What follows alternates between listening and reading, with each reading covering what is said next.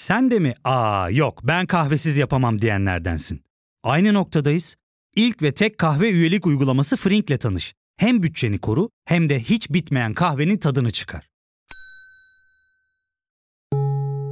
Yakınlarından terapinin onlara ne kadar iyi geldiğini dinlesen de kendin için bir şeylere başlamak zor geliyor olabilir. Ya da sevdiklerine yardım etmeye istekliyken kendi ihtiyaçlarını görebilmek. Hayvel, uzman psikologlarıyla kendi ihtiyaçlarını bulmanda sana destek olacak. Terapi yolculuğuna başlamak için detaylı bilgi bölümün açıklamalarında. Trendspor'dan herkese merhabalar. Bu hafta Süper Lig'de ikinci hafta maçları oynandı. Fenerbahçe'nin 6-0'lık bir Kasımpaşa galibiyeti var. Trabzonspor 2'de 2 yaptı. Hatay'ı yendi. Galatasaray bir kriz yaşadı. Küçük çaplı bir kriz yaşadı ve çok büyük bir beklenti içinde olduğu Giresunspor karşısında kendi sahasında mağlup oldu. Beşiktaş'ta 3-0 öne geçtiği maçta puan kaybetti ve 3-3 berabere sonuçlandı Alanya Spor maçı. Bu 4 maçı konuşacağız. Ayrıca İslami dayanışma oyunları vardı. Konya'da düzen düzenlendi. Konya'da açılışı yapıldı ve Konya stadına verilen zarar yüzünden bence Konya Spor Avrupa'dan konferans liginden elendi. Biraz bunu subjektif bir yorum bence dedim ama biraz detaylandıracağım. Bu İslami dayanışma oyunlarının önemi üzerine Alpulaga'yı da davet ettik bu bölüme ve sevgili Alpulagay da bizi bu açıdan bu konuda bilgilendirecek. Öte yandan Premier Lig'de Manchester United'ın sezona inanılmaz derecede kötü bir girişi var. Onu da biraz konuşacağız ve son olarak da milli erkek basketbol takımımızın hazırlık maçları vardı. Bu hazırlık maçları ile ilgili de ve Ömer Faruk Faruk'un milli takımdan ayrılma, milli takımla Eurobasket'te yer almama kararı ile ilgili de konuşacağız. Vakit kaybetmeden başlayalım.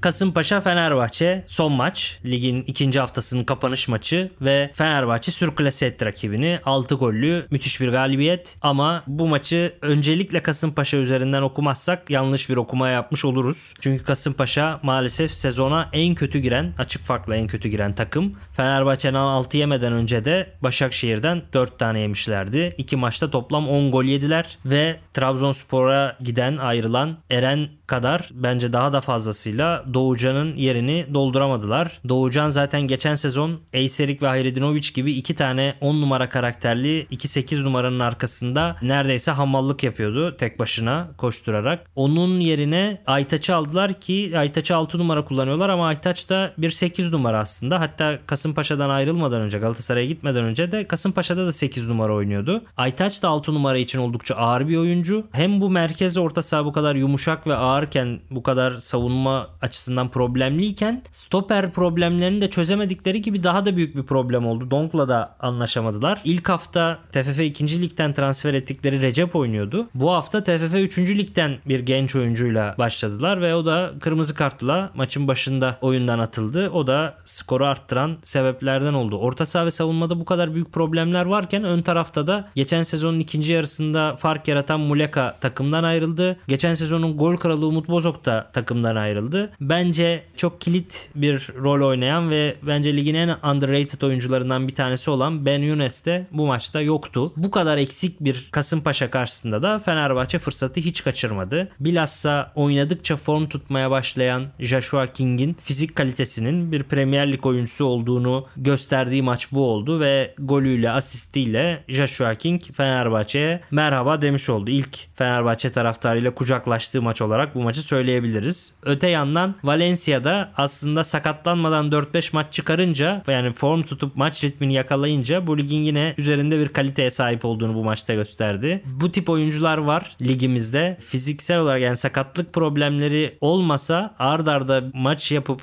ritim ve tempo yakaladıkları zaman ligin üzerine çıkıyorlar. Mesela eskiden Harry Kewell vardı Galatasaray'da. Eski Kasımpaşalı Fode Koita vardı. Bu oyuncular çok sık sakatlanıyordu ama sakatlanmayıp 5-6 maç form tutunca da ligin üzerine çıkacak performans sergiliyorlardı. Valencia da tam öyle bir oyuncu ve 4-5 maç ardarda arda oynayınca bu sezona da gollerle başladı. Umarız bu podcast'te kendisine uğursuzluk getirmem ve bu performansına devam eder. Tabi bu kadar dağınık bir Kasımpaşa karşısında son derece çabuk ve bu dönemde formda olan Emre Mor da Joshua King ve Valencia'ya katıldı. Bu üçlü Kasımpaşa savunmasını dağıttı ve farkı dörde çıkarmıştı ki bir de bu üçlüye Arda Güler sonradan dahil oldu. Ki Arda gibi bu tip böyle hem zeki hem yetenekli kaliteli hem de iştahlı genç oyuncular böyle skoru uçmuş kopmuş maçlarda sonradan oyuna girdikleri zaman skoru arttırmada da çok işe yararlar genelde. Arda da tam bunu yaptı ve 4-0'ı 6-0'a taşıyan bireysel yeteneğini gösterdi. Son 15 dakikada güzel bir Arda Güler performansı da izlemiş olduk. Fenerbahçe'yi tebrik ediyorum. Kasımpaşa'yı da bu sanırım 4. sezon olacak. Arda arda 4 sezondur sezonun ilk yarılarına çok kötü giriyorlar ve geçmiş 3 sezonda devre arasında yaptıkları nokta atış transferlerle bir şekilde ligde kalıyorlar. Hatta daha da yüksek seviyelere çıkıp ligi orta sıralarda bitiriyorlardı. Aynı dizinin 4. sezonuna geçmiş gibi hissediyorum kendimi Kasımpaşa'yı izlerken. Yine sezona çok kötü başlayan, stoper transferi yapmayan, orta sahası çok zayıf olan ve yine çok kötü bir başlangıç yapan Kasımpaşa. Bakalım bu sefer devre arasında işleri kurtarabilecekler mi diyelim ve Alanya Spor Beşiktaş maçına geçelim.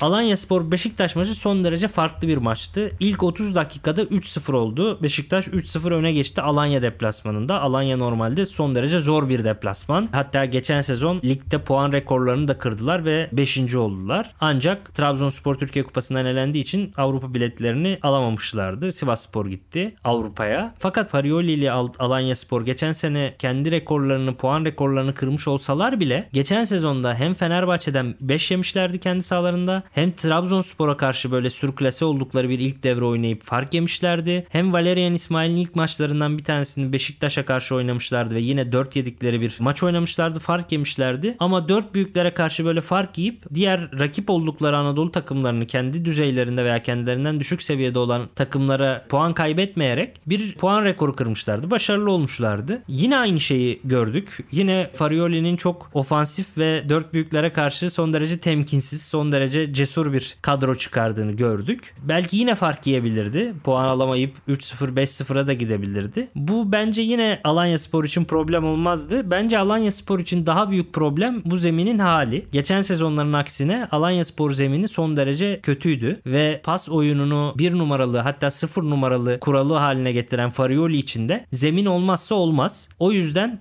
dört büyüklerden fark yemek Farioli'yi etkilemez ama zeminin bu hali Farioli'yi ipe götürebilir önümüzdeki haftalarda. Bu uyarıyı yapalım ve Alanya Spor zemininin bir an önce düzelmesi temennisinde bulunalım. Öte yandan Farioli ne yaptı da temkinli değildi de ilk 30 dakikadan 3 tane gol yedi derseniz bir kere Enkudu gibi geniş alanları çok iyi kullanan, çok çabuk, çok süratli bir oyuncunun karşısına Kandeyaş gibi bir hücum oyuncusunu ve savunması zayıf bir hücum oyuncusunu üçlü savunmanın sağ kenar oyuncusu yaparak bir temkinsizlik ortaya koydu. Bir de üçlü stoperin sağına da Fatih Aksoy gibi yine ağır bir oyuncuyu koyunca Enkudu ilk 30 dakikada o alanı çok iyi işledi. Salih o alana çok iyi uzun çapraz toplar attı ki bir gol o, o şekilde geldi. Salih'in uzun pası artı Enkudu'nun sürüklediği atakla geldi. Ve ilk 30 dakikada 3-0 olduktan sonra da dörtlüye döndü Farioli. Tayfur'u oraya çekti. Biraz geç görülmüş bir hamleydi. 3-0'dan sonra yapılması geç oldu. Açıkçası 30. dakikada maç bitti derken bir kırmızı kart ve uzatma dakikalarında 45 artı ilk yarının son dakikalarında bir frikikten gelen golle 3-1 oldu ve devreye öyle gidildi. Devrede de Valerian İsmail'den son derece flash 3 değişiklik geldi. 3 golü de atan Gezal, Enkudu ve Salih Uçan 3'ü birden oyundan çıkarıldı. Valerian İsmail'e bunu sordular ve Gezal'ın sakatlıktan çıktığını söyledi. Tabi bu okey. Hadi Gezal'ın bir sakatlığı vardı zaten maç öncesi. Taraftarlar bunu anlıyor. Fakat ilk yarıda müthiş oynayan, çok etkili olan Enkudu da çıktı ve belki de kariyerinin en iyi maçını oynayan Salih de oyundan çıktı. Hadi Enkudu'yu da sarı kartı var diye çıktı diyelim bir derece. Ama niye Enkudu yerine yine onun gibi savunma arkasına koşular atabilecek süratli bir Muleka girmedi diye soruyor Beşiktaşlı taraftarlar. Herhalde benim tahminim Muleka'nın savunmasına ve oyun disiplinine çok inanmıyor olabilir Valerian İsmail. Galiba o yüzden almadı ve bunu da biraz şu şekilde ifade etti. İlk yarının sonuna doğru rakip özellikle merkezden gelmeye çalıştığı zamanlarda biz merkezi kapatıp rakibi kenarlara yönlendirdik. Kenar ortalarıyla bu sefer bir şeyler yapmaya çalıştık çalışacaktı tabii rakip. Önce merkezi kapatıp ortaları engelleme durumuna geçmemiz gerekiyordu o anda. İkinci yarıdaki değişikliklerde 8 numaraya koyduğumuz arkadaşlarımız daha koşu özelliği olan oyunculardı. Arkaya atılacak toplarda etkili olmaya çalıştık. Değişiklikleri bu bakış açısıyla yaptık. Burada merkezden 8 numaralı oyunculardan yani merkez oyuncularından savunma arkasında koşu beklediğini söylemesi aslında bunu yapabilecek Jetson var. Jetson gerçekten çok hızlı bir oyuncu. Sanırım Vegos'un gölgesinde Jetson'dan o kontra atak koşularını bekledi ikinci yarıda. Ama Jetson çok hızlı bir, çok çabuk bir oyuncu olmasına rağmen kariyeri boyunca ne zaman savunma arkasına koşu attığını gördünüz derseniz ben hiç görmedim. Hem Benfica döneminde hem Tottenham'da izlediğim az oynadı gerçi orada ama az oynadığı maçlarda hem de Galatasaray döneminde, Rize döneminde savunma arkasına koşu atan bir Jetson hiç görmedim. Valerian İsmail'in bu maçta Jetson'dan bu kontra atak koşularını atmasını beklemesi de o yüzden bana biraz hatalı bir beklenti olarak görünüyor. Ben açıkçası Gezal'ın sakatlık yüzünden çıkmış olabileceğini anlıyorum. Enkudu'nun sarı kart sebebiyle çıkmış olabileceğini anlıyorum ama ilk yarıda olağanüstü bir futbol oynayan, mükemmel bir futbol oynayan Salih Uçan'ın çıkma sebebini hiçbir şekilde anlayamıyorum açıkçası. Öte yandan Beşiktaş'ta anlayamadığım ve bence bu maçtaki puan kaybına sebep olan bir numaralı hadise de 6 numarasızlık konusu. Anlayamadığım şu. Joseph de Souza sakatlandı. Joseph de Souza dışında takımda 6 numara yok. Necip var belki ama Necip de uzun süredir stopere evrilmiş durumda ve kalitesi yeterliliği de tartışılıyor 6 numara için. Ve Tolga Ciğerci gibi geçen sezonun Crespo ile birlikte en iyi performansını sergileyen 6 numaraydı Tolga Ciğerci Başakşehir'de. Böyle bir oyuncu da serbest ve Joseph de uzun süredir sakat. Daha da bir sürede sakat olacağını biliyorsunuz. Ve Tolga Ciğerci boştayken de alternatif olarak da onu düşünmedi Beşiktaş. Ayrıca Jetson da oldukça çabuk bir oyuncu. Oldukça box to box denen o gitgelli oyunu oynamayı bilen bir oyuncu olmasına rağmen bir pozisyon tutucu hiçbir zaman olamadı. Benfica'da da Galatasaray'da da pozisyonunu tutan, sabırlı, sakin oynayan ve rakibi karşılamayı bilen bir oyuncu olmadı. Bu rakibi karşılamayı bilmemesi ve hep hamleli oynama arzusu ona hem ilk goldeki gereksiz frikiyi yaptırdı hem de üçüncü goldeki gereksiz penaltıyı ve o penaltıda hiç sokmaması gereken ayağını oraya sokmayı beraberinde getirdi. Aslında iyi pozisyon tutan bir 6 numara her iki pozisyonda da faal yapmaz ve rakibini oyalar. Rakibini engeller. Merkezi delmesine izin vermez ve pası belki sağa sola atmasına sebep olur. Ama Jetson'u oyun oynamayı bilmiyor. Salih yerine Berkay'ı oyunda tuttu hoca. O Berkay da çok genç bir oyuncu. Açıkçası Alanya Spor ikinci yarıda isabetli şut atamadan iki tane yani doğru düzgün isabetli şut atamadan iki tane gol attı ve 3-0'dan 3-3'e döndü maç. Farioli açıkçası çok şanslıydı. Valerian İsmail de bir o kadar şanssızdı. Tamam oyuncu değişikliklerini biraz eleştiriyorum ama bu maç 3-0'dan 3-3'e dönecek bir maçta dönmesi için futbolun saha içinde doğrularının Alanya Spor adına doğrularının oynandığı bir maçta değildi. Yani Valerian İsmail'in son derece şanssız olduğunu, normal şartlar altında bu maçın 3-3'e dönmemesi gerektiğini söyleyebiliriz açıkçası. FM gibi oyunlarda eskiden bu olurdu böyle hani tam böyle çıldırtan mouse, monitör falan kırmalık bir maç açıkçası Valerian İsmail için. Çok şanssız bir akşamdı ve daha ikinci haftadan açıkçası Şenol Güneş isimleri, Sergen Yalçın isimleri de sosyal medyada görülüyor. Bu tip yabancı teknik adamların da böyle bir handikapı var maalesef. Kendilerine verilen kredi son derece az oluyor Türkiye'de. Kolay gelsin diyorum kendisine ve Galatasaray Giresunspor maçına geçelim.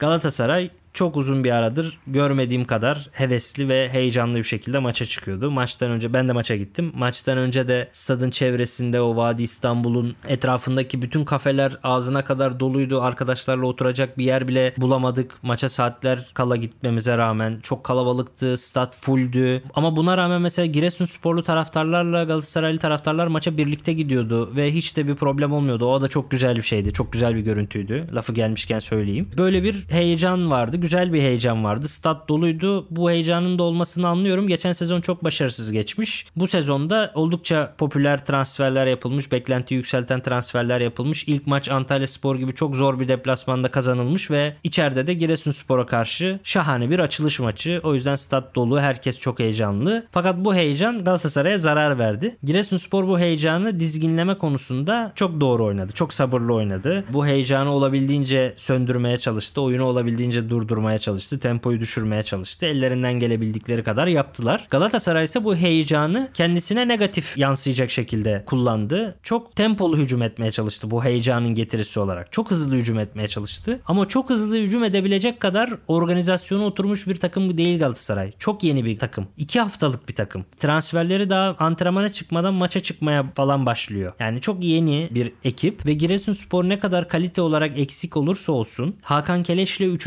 sezonuna çıkan bir takım. Oynayan futbolcular ne kadar kalitesiz olursa olsun çoğu geçen sezondan devam eden futbolcular. Birlikte defalarca antrenman yapmış futbolcular ve orada bir kalite noksanlığı olsa da bir disiplin ve bir birliktelik avantajı var. Galatasaray'da ise hem bir uyum ve birliktelik olarak eksiklik söz konusu daha ikinci haftadasınız. Hem de bunu bu kadar böyle beklentiyle coşturunca bu kadar tempo yapınca tabii çok fazla top kaybı da oldu ve Galatasaray ilk yarıdan çok yoruldu haliyle çok tempo yaptığı için. Yani iki pas yaptıktan sonra hemen arkaya savunmanın arkasına böyle bir kilit pas zorlaması, bir uzun top zorlaması. Burada Galatasaray'da tabii topa basan beyler sakin olun diyecek takım arkadaşlarına. Lider oyuncu eksikliğini biraz gördüm. Bunu bir tek Oliveira yapmaya çalıştı ki Oliveira da fizik olarak hiç hazır değildi. Seferovic'in mesela biraz daha tecrübesini katması ve takım arkadaşlarını belki sakinleştirmesi gerekirdi ama yine de Kerem gibi Yunus gibi genç oyuncuları da var Galatasaray'ın öte yandan. Ama tecrübeli oyuncuların biraz daha bu oyunu dizginleyip biraz daha tempoyu ayarlayıp biraz daha vites düşürüp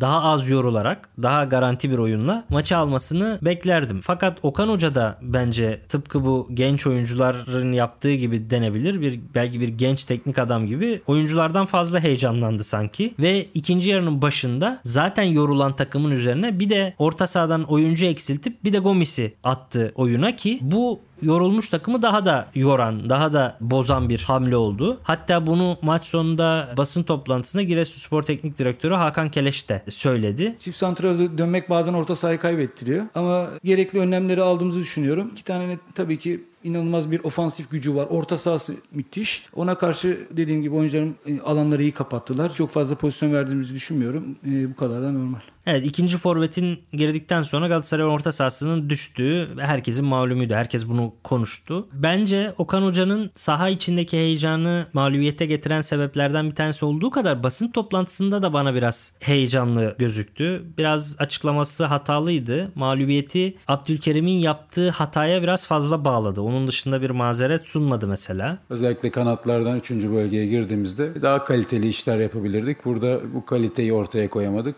Daha net pozisyonları yakalayabilirdik. Oyuna hükmetsek de rakip yarı sahada oynasak da rakibin gol atamayacağı gibi bir maç gitse de bireysel hatayla da maçı kaybettik. Yani bu hata tabii ki mağlubiyette çok önemli bir rol oynadı ama aslında gol de 77. dakikada geldi ve uzatmalarla birlikte daha 15-20 dakikanız daha var. Ama ne uzatmalardan yani o 77'den sonra 1-0'dan sonra ne de 77'den önceki o uzun dönemde Galatasaray'ın Abdülkerim'in hatasını telafi edebilecek oyun istikrarını sergileyemediğini de görüyoruz. O yüzden mağlubiyetin tek sorumlusu olarak Abdülkerim'in ön plana çıkarılıyor olması ve biraz buna Okan Hoca'nın da buna engel olan taraf olması gerekirken biraz bunu doğrulayan tipte konuşması benim çok hoşuma gitmedi açıkçası. Maçla ilgili son noktada bence yine önemli bir konu bu. Sasha Boy'la Patrick Van Aanholt'un iki bekin orta kalitesinin çok düşük kalması. Bunlar yani büyük takım beki olma konusunda sıkıntılı oyuncular. Zaten Sasha Boy Fransa Ligi'nin 20.sinden açık puan farkıyla küme düşen takımdan gelmiş bir savunma bekiydi. Yine ikili mücadelelerde güçlü bir bek ama 3. bölgeye gittiği zaman final pas ve final ortalarda eksik. Patrick Van Aanholt da bence transfer edilirken göz ardı edilen bir noktaydı bu. Patrick Van Aanholt da 30 küsur yaşına gelene kadar hep Crystal Palace gibi orta sıra takımlarında görev yapmış bir geçiş takımında oynamış. Set hücumu yapan bir takımda oynamamış ve bu açıdan da 3. bölgede final orta ve final paslarda yeterince deneyimleyememiş bu işleri. Bir oyuncu, eksik bir oyuncu. O yüzden Okan Hoca'nın basın toplantısında da belirttiği şu konu. Özellikle orta kalitemiz çok düşüktü. Yani gittik oraya. Orta kalitemizin düşük olması bize tabii ki belki bazen rakibin müdahalesinden çok bomboş topları dışarı attığımız da oldu. O yüzden orta kalitemizin düşmesi, rakibin oraları bize açması aslında bizim de oralara doğru gitmemiz. Ama orada arkadaşlarımızı buluşturamadık.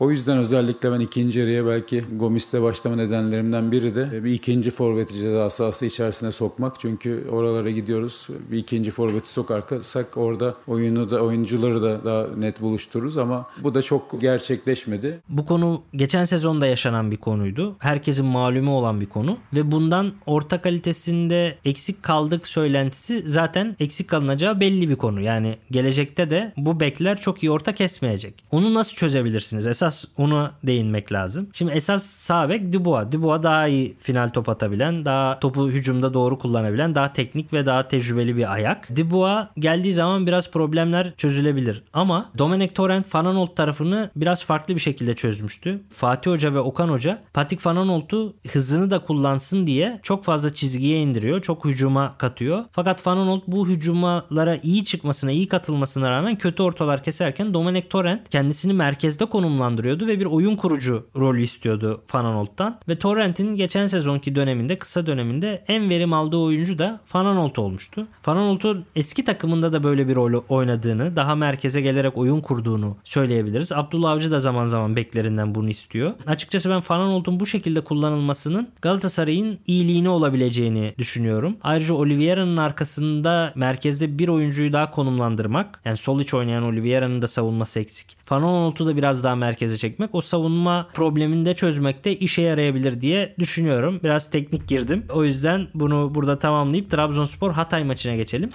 Az önce Galatasaray için söylediğim aslında daha temkinli oynasa, daha sakin oynasa, daha soğukkanlı oynasa kazanabileceği bir maçtı dediğim yorum aslında tamamen Trabzonspor için geçerli. Yapılmış bir, başarılmış bir maç olarak geçerli. Aslında Trabzonspor'da Hatay Spor'la Galatasaray'ın Giresunspor'a karşı oynadığı gibi bir maç oynadı. Hatay olabildiğince direnip kontra ataklarla maçı götürmeye çalışıyordu. Olabildikçe kapanıyordu ve 0-0'ı olabildiğince uzatmaya çalışıyordu ilerleyen dakikalara 0-0'da belki bir kontra atak golüyle belki 1-0'a götürmeye çalışan bir oyundu. Trabzonspor Galatasaray'ın yaptığının aksine daha temkinli ve güvenli oynadı. Tabii Trabzonspor'da Abdullah Hoca ile 2,5 sezondur var. Okan Hoca gibi ikinci resmi maçına çıkmıyor. O avantaj tabii ki var ve daha kendilerinden emin oynadılar ve Abdullah Hoca da Okan Hoca'nın aksine devre arasında Canini'yi de Cornelius'un yanına atayım ikinci santrfor atayım demedi. Orta sahadaki Doğucan'ı çıkarıp Abdülkadir'i aldı. Yani orta saha çıkarıp orta saha aldı. Orta saha çıkarıp santrfor almadı ve oyuna sonradan soktu Abdülkadir'in attığı golle de maçı kazanmayı bildiler. Maçla ilgili Erce tabi Trabzonspor'un eski kalecisi Hatay'ın yeni kalecisi. Onun üzerinde yan top denediklerini gördüm. Erce'nin yan topları sıkıntılı olduğu için sürekli kale sahasına Erce'nin üzerine ortalar kestiklerini gördüm ve Erce bazılarını orada kaçırdı. Böyle bir oyun planı vardı. Öte yandan Trabzonspor'da tabi Eren ve Larsen gibi iki bekin iyi performans sergilemesi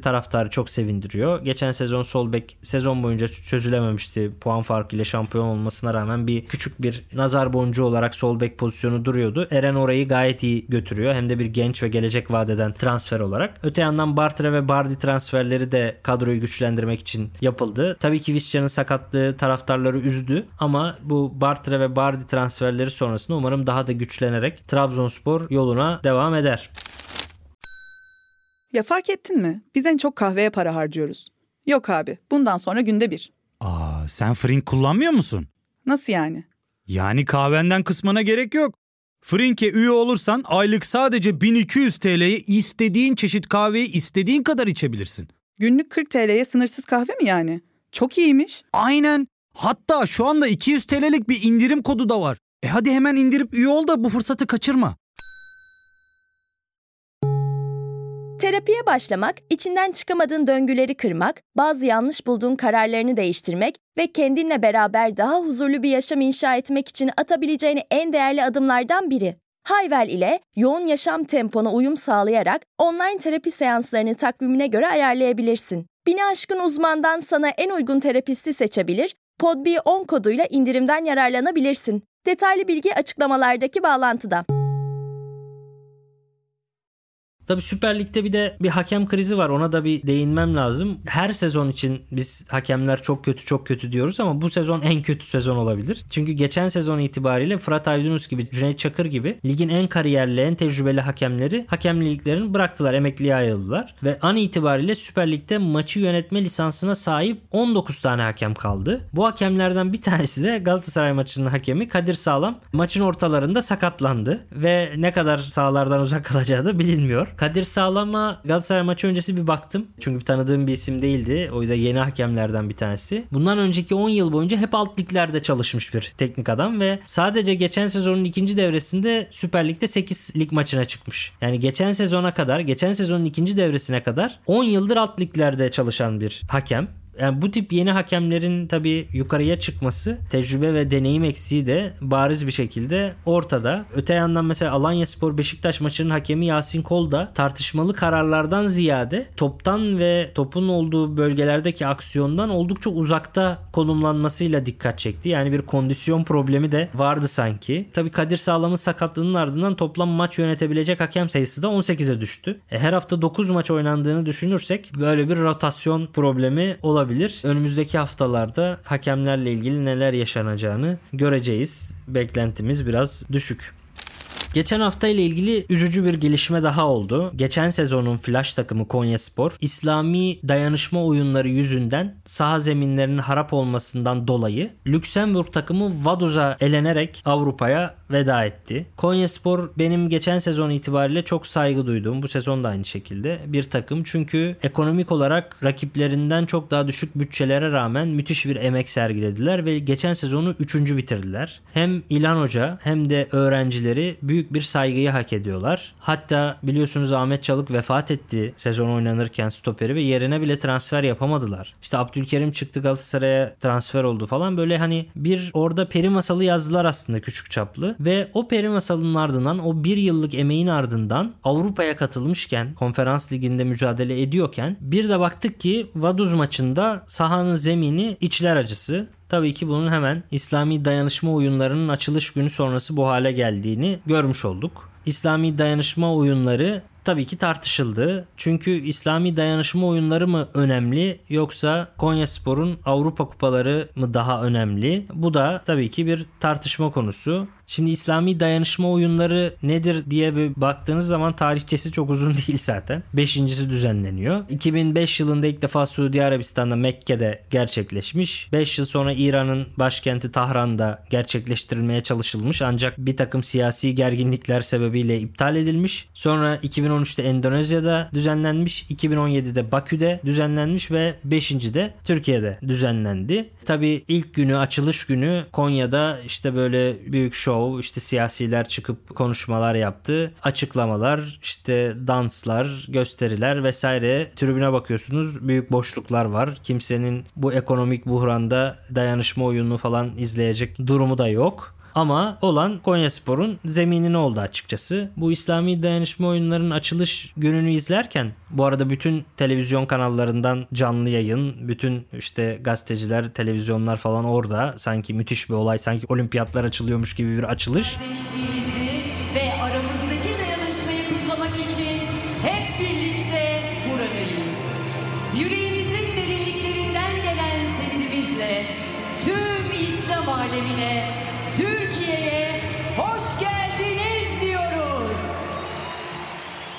Fakat o açılış konuşması yapıldıktan sonra siyasiler kendi şovunu yaptıktan sonra da hiçbir spor gazetecisi takip etmiyor. Bir yerde yayınlandığını da görmüyoruz. Haberde olmuyor. Bu bana tabii ki Trend Topik'in 150. bölümünü hatırlattı. Sevgili Ozan Gündoğdu'nun 150. bölümde Anka Park'ı konu aldığı bölüm hatırlarsınız. Melih Gökçe'yi ve eser siyasetinin çöküşünü anlatmıştı. Bir türlü çökemedi bu siyaset. Konya'ya sirayet etti son olarak ve yine böyle bir İslami dayanışma oyunlarının kaş yapayım derken göz çıkardığını ve Konya'nın zeminini harap edip olan Konyaspor'un geçen sezonki emeğini oldu ve Vaduz'a elendik. Şimdi Vaduz eğlenirken de insanlar şunu diyor tabii ki bir takım insanlar. Vaduz başka bir zeminde mi oynadı? Zemin kötüyse Vaduz'a da kötü diyor. Bu tabii işin iç yüzünü bilmeyen insanların söyleyebileceği bir yorum. Kötü zemin topu rakibe bırakmak isteyen, kapanan, oyunu yapan değil bozan takıma yarar her zaman. Ve Vaduz'un kapanıp kontra atak arayacağı çok bariz ortada. Konya Spor'un da geriden gerekirse oyun kuracağı, topu olabildiğince sahip olacağı, baskı kuracağı herkesin malumu. Bu tip bozuk zeminler topu oynamak isteyen takımları bozar. Konya Spor'a da tam öyle oldu. Hatta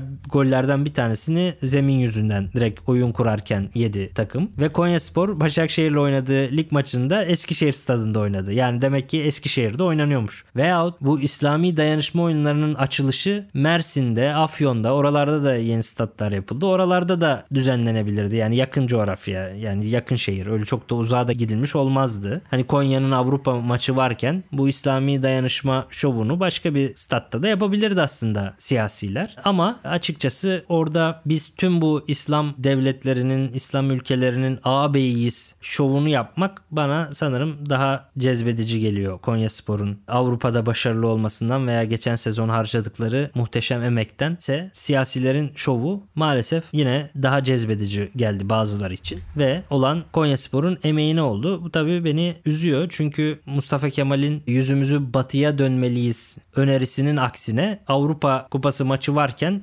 yüzümüzü doğuya dönüp lüzumsuz ya da ne lüzumu olduğu bilinmeyen İslami dayanışma oyunlarına çeviren, doğuya çeviren bir spor anlayışı söz konusu. Tabii ben bu konularda ön yargılı mıyım diye kendimden de çok emin olamıyorum. Spora karşı ilgim var ama ağırlıklı olarak futbolla ilgilenen bir spor gazetecisiyim. Benden çok daha iyi bir spor gazetecisi olan, çok daha tecrübesine ve bilgisine inandığım Alp Ulagay'a da bu konuyu sormak istedim. Gelin birlikte İslami dayanışma oyunları nedir ne değildir bir de Alp abiden dinleyelim. Evet Alp Ulagay ile birlikteyiz. Alp abi teşekkür ediyorum yayına geldiğin için, katıldığın için. Ben teşekkür ederim davet ettiğin için. Şimdi ilginç bir konu var gündemde. İslami dayanışma oyunları adı altında beşincisi düzenleniyor ve fakat bu beşinci düzenlenen turnuva biraz Konya Sporu Avrupa kupalarının dışına da etmiş oldu. Ben biraz futbol boyutundan anlattım zaten senden önce. Ama sana biraz da bu oyunların ne kadar önemli olup olmadığını sormak istiyorum. Çünkü sen gazetecilik kariyerinde 1984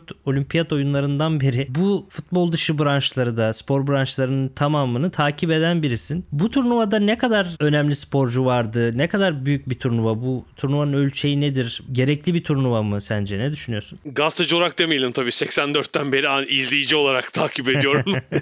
Yoksa 60'larımda falan olmam lazım. O kadar yaşlı değilim. Gazeteci olarak da çok uzak bir tarih değildir ama yani. Ee, Evet yani herhalde 96 olimpiyatları ile ilgili ondan sonra bir şeyler yazdım yani olimpiyatlar olduğu zaman yaz ve kış.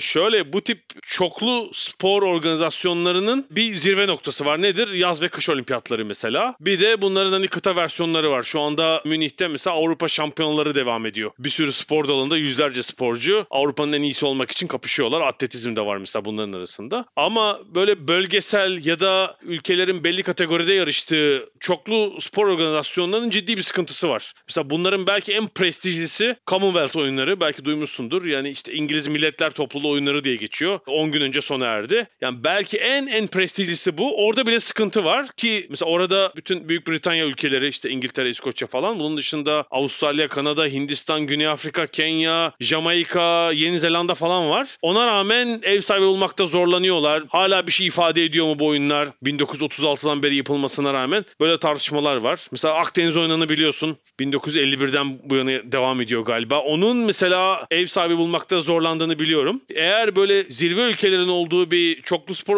organizasyonu değilse bence artık bir ciddi anlamı yok. Hele İslami spor oyunları, İslami dayanışma oyunları adı altında düzenliyorsanız durum daha da felaket. Çünkü olimpiyat listesine bakınca madalya sıralamasında da bunu görürsünüz. Dünyada İslam'ın ağırlıkta olduğu ülkelerde spor zaten önde gelen bir konu değil. Yani Türkiye bütün bu ülkeler arasında en iyi spor ülkesi. Yani Türkiye bir spor ülkesi mi? Bence değil. Ama buraya katılan 55 ülke arasında bence açık ara bir numara. Ki işte Kuzey Afrika ülkeleri, İran var mesela falan hani belli belli dallarda başarı elde etmiş ülkeler de var belki bu ülkeler arasında ama hiçbiri spor ülkesi değil ve yani Türkiye'nin kendini kıyaslaması gereken ülkeler de değil açıkçası. Türkiye'nin spor ülkesi olmadığına dair yorumunu destekleyen şöyle bir hadise yaşandı.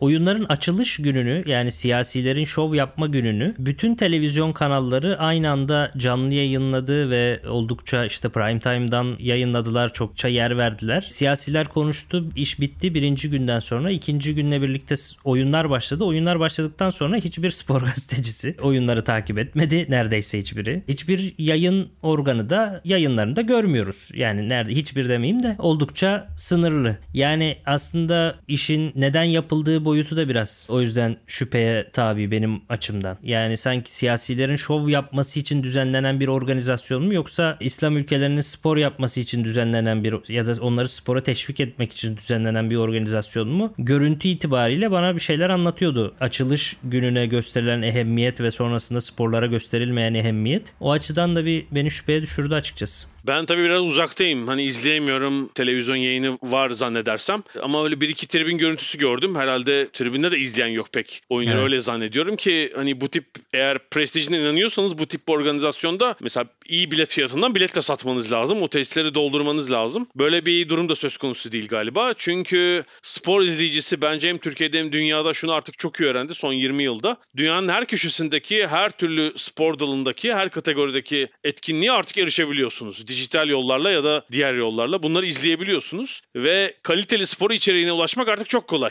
Yani ya kendi ülke kanalınızdan ya da dediğim gibi işte stream yoluyla izleyebiliyorsunuz ve kaliteli spor organizasyonu nerede? Çok kolay ulaşmak. Çünkü ben çocukken durum şöyleydi. Türkiye'de hele bir ya da iki kanallı TRT vardı. Mesela Balkan Şampiyonası'nı çok önemserdi Türkiye. Biz de önemli bir şey zannederdik. E Çünkü başka yayınlanan bir şey yok. Alternatifi yoktu yani elimizde. Ama bugün öyle değil. Türkiye'deki spor seyircisi de bence kendine kaliteli içerik sunulduğunda bunu çok iyi anlıyor. Yani mesela kadınlar voleybolda bunu çok iyi görüyorum ben. Sadece Türkiye'nin iddialı kadın voleybol milli takımı değil. Türkiye'nin olmadığı günlerin maçları da mesela bu son Nations League'de tıklım tıklım doldu. Biletler çok önceden satıldı. 10 bin kişi işte Tayland, İtalya, Sırbistan falan diğer ülkelerin maçlarını izledi. Yani kaliteli olup olmadığını spor seyircisi çok iyi anlıyor. Yani burada zaten bu İslami dayanışma onlarında üst düzey kaliteli belki parmakla sayılacak birkaç sporcu vardır atletizmde falan. Ama iyi bir içerik olmadığını çok iyi farkındalar. Bence ekran başında da pek kimse izlemiyordur. Herhalde bilet alıp giden bilet satılıyorsa bilmiyorum. Statta, salonda izleyen de pek kimse yok. Yani ne seyirciyi eğlendirir böyle bir organizasyon ne prestij kazandırır. Ne de gördüğümüz kadarıyla organizasyondaki skandal bir takım olaylar sebebiyle dereceleriniz geçerli sayılır. Çünkü belki sen de görmüşsündür. Atletizmde ilk üç gündeki dereceler kablolamadaki bir takım hatalar sebebiyle geçersiz sayılacak. Yani ilk defa böyle bir şey şahit olur. Hani bir yaşta belki olur ama ilk üç günün tümünün geçersiz sayılması bence akla hayale sığabilecek bir şey değil yani.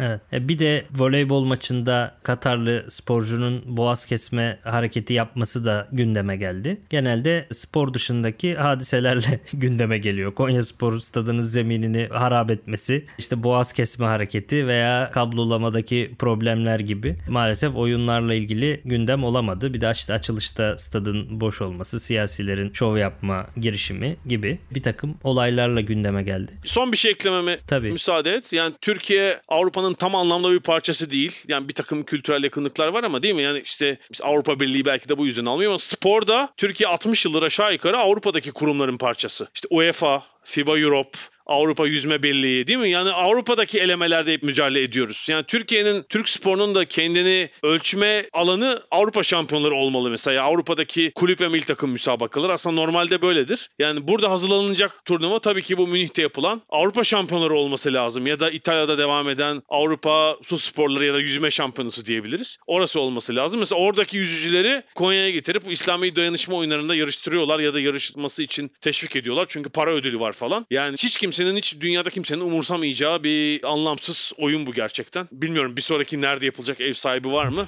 Belki 10 yıl sonra hatırlanmayacak bile yani devam etmeyecek bile. Dediğim gibi bu tip bölgesel oyunlar ya da belli ülkelerin katılabildiği oyunlar ev sahibi olmakta zorlanıyor. Anlamsız bir turnuva ve organizasyon bence.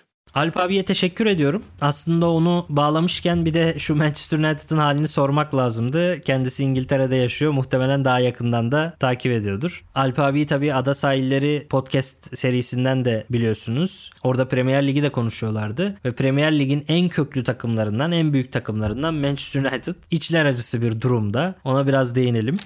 Sir Alex Ferguson dönemi sonrasında zaten çok uzun zamandır içler acısı durumdalar ama bu sezonun başlangıcı da tam bir felaket oldu. Biraz Jose Mourinho dönemi baş kaldırır gibi olmuşlardı ama o dönem de açıkçası Manchester United'ları tatmin etmiyordu. Manchester United taraftarı olan arkadaşlarımla geçen konuştuğumuzda da şöyle bir cümle kurmuştu bir tanesi. Biz Mourinho döneminde adamın neler yaptığının farkında değilmişiz. Aslında çok başarılıymış diyor ki Jose Mourinho da tam böyle bir cümle kurmuştu. Kupalarla dolu bir kariyeri var kendisinin. Porto'dan Real Madrid'e oradan Inter'e kadar neredeyse her kulüpte büyük başarılar elde etmiş bir teknik direktör olarak yaptığı başarılı olduğu en zor iş sorulduğunda Manchester United'ı ikinci yapmak demişti. Gerçekten de sonraki halini görünce Manchester United'daki durumları görünce şimdi şimdi hak veriyoruz kendisine. Bu sezonun başında tabii Ajax'tan Erik Ten Hag'ı getirdiler ve fakat sanki bir Türk takımı gibi daha ikinci haftadan Ten Hag'ın da istifası konuşuluyor. Çok absürt bir durum tabii. Ama açılış maçında da kendi sahalarında Brighton'a kaybettiler 2-1 ve son olarak 1938 yılında mağlup oldukları Brentford'dan ilk yarıda 4 tane gol yediler ligin ikinci haftasında. United tarihinde ilk yarıda 4 gol ve üstü yiyerek kaybettikleri 3. maç oldu bu Brentford maçı. İlki Tottenham'a karşı ikincisi de Liverpool'a karşıymış. Tabi bu yaz transfer dönemi de onlar için çok sıkıntılı geçti. Frankie de Jong'un transferi Arap saçına dönmüştü. Sonra hazırlık dönemine katılmayan ve üstüne ilk yarısında çıkarıldığı bir hazırlık maçından sonra stadyumu terk eden Ronaldo büyük bir krizdi. İlk Brighton'a karşı da zaten yedek başladı. Sonradan oyuna girdi ama son maçta Ronaldo da oyundaydı ve hiçbir şey değişmedi açıkçası. Geçen sezon geçici olarak göreve gelen Ralf Rangnick de bir açıklama yapmıştı. Hemen akılları o geliyor. Tekrar onu hatırlatmak istiyorum. Problemlerin nerede olduğunu anlamak için gözlük takmanıza gerek yok demişti Rangnick. Şu an onları nasıl çözeceğimizi düşünüyoruz. Bence ufak birkaç değişiklik yapmak, ufak şeyleri değiştirmek, ufak tefek problemlerimiz var demek yeterli değil. Bu çok net. Çözüm bu değil diyordu. So now it's only about how do we solve them. And for me it's clear it's not enough to do some little minor uh, amendments, some little issues here and there, some minor cosmetic things. No, in medicine you would see this is an operation at the open heart. Yani ufak tefek değişiklikler Manchester United'ın hiçbir şeyini değiştirmez. Çok köklü ve büyük değişiklikler yapılması gerektiğini söylüyordu ama hiç büyük değişiklik yapılmadı. Son derece küçük değişiklikler yapıldı. Mesela Ronaldo ile bile yollar ayrılamadı ki Ronaldo'nun artık Manchester United'da miadını doldurduğunu herkes hemen hemen herkes söylüyor. Fakat onunla bile yollar ayrılamadı ve sanki Ragnick'in söylediğinin tam aksine en küçük değişikliklerden bir tanesi olarak Adrian Rabiot'un orta saha problemini çözebileceğini düşünmek söylenebilir. Maalesef Manchester United krizden çıkabilecek hiçbir şey yapamıyor. Eli kolu bağlı kalmış gibi bir görüntü içerisindeler. Kendilerine ve Manchester United taraftarlarına önümüzdeki sezonda sabırlar diliyorum ve basketbola geçiyorum. Basketbolu bu 3. haftaya kadar çok konuşmamıştık. Önümüzdeki haftalarda daha çok konuşmak istiyoruz. Biraz Anıl'a sordum bu bölüm öncesi. A milli basketbol takımımız hem Euro basket turnuvası hem de Dünya Kupası eleme penceresi maçları öncesinde İstanbul'da 3 tane hazırlık maçı yaptı. Bu maçları nasıl bulduğunu biraz Anıl'a sordum. Ondan biraz yorumlar aldım. Biraz onları anlatacağım size. Tabi sırasıyla Ukrayna, Slovenya ve Polonya ile karşılaştık. Ukrayna'yı 96-70, Polonya'yı da 94-78'lik skorlarla mağlup ettik. Ama buna karşın Luka Doncic ve Goran Dragic gibi yıldızların İstanbul'a geldiği maçta Slovenya'ya 104-103 mağlup olduk. Bu 3 hazırlık maçını ve Ömer Faruk Yurtseven'in milli takımda olmama kararını Anıl'a sordum. Şimdi milli takım iyi bir hazırlık dönemi geçirdi dedi ama bazı problemlerin de devam ettiğini söyledi. Hem Larkin'in olmadığı senaryoda net bir oyun kurucu, oyun yönlendirici eksiği olduğundan bahsetti. Hem de Ömer Faruk'u biraz değerlendirdi. Ömer Faruk Eurobasket'te takımla birlikte olmayacağını açıklamıştı. Gelecek sezon kendisi adına çok önemli olduğunu ve Miami Heat ile yeni sezona hazırlanmak için hem Ağustos ayındaki hazırlık Dünya Kupası elemesinde hem de Eurobasket'te olmayacağını belirtmişti. Bu konuyla ilgili Koç Ergin Ataman da Ömer'in teknik ekibin aramalarına çıkmadığını ve menajerine yönlendirdiğini söyledi. Anıl'a göre de hazırlık maçlarında Ömer'in yokluğu hissedildi. Reboundlarda ve pot altında bazı eşleşmelerde problem yaşadık dedi. Ömer'in farklı bir profilde özellikle rebound üstünlüğünde ve hücumdaki hava hareketlerinde savunmadaydı daha farklı uzunlarla eşleşebilmesinde bazı bazı özgürlükler getirdiğini, yerine oynayan isimlerle bunun sağlanamadığını söyledi. Önümüzdeki haftalarda Dünya Kupası eleme penceresi maçlarından sonra Anıl'ı da direkt bağlayacağım ve kendisinden direkt yorumlar alacağım ama bu 3 hazırlık maçı ve Ömer Faruk ile ilgili kendisinin kısa bir yorumunu aldım. Basketbola da küçük bir değinmiş olalım. Önümüzdeki haftalarda daha çok yer vereceğimizin sözünü de vermiş olalım. Bu bölümü de bu şekilde tamamlıyoruz. Hem Manchester United'a değindik hem İslami dayanışma oyunlarına değindik hem Süper Lig'de ikinci haftanın maçlarını hem de basketbol milli takım maçlarını konuşmaya çalıştık. Dinlediğiniz için çok teşekkür ediyorum. Gelecek hafta görüşmek üzere. Hoşçakalın.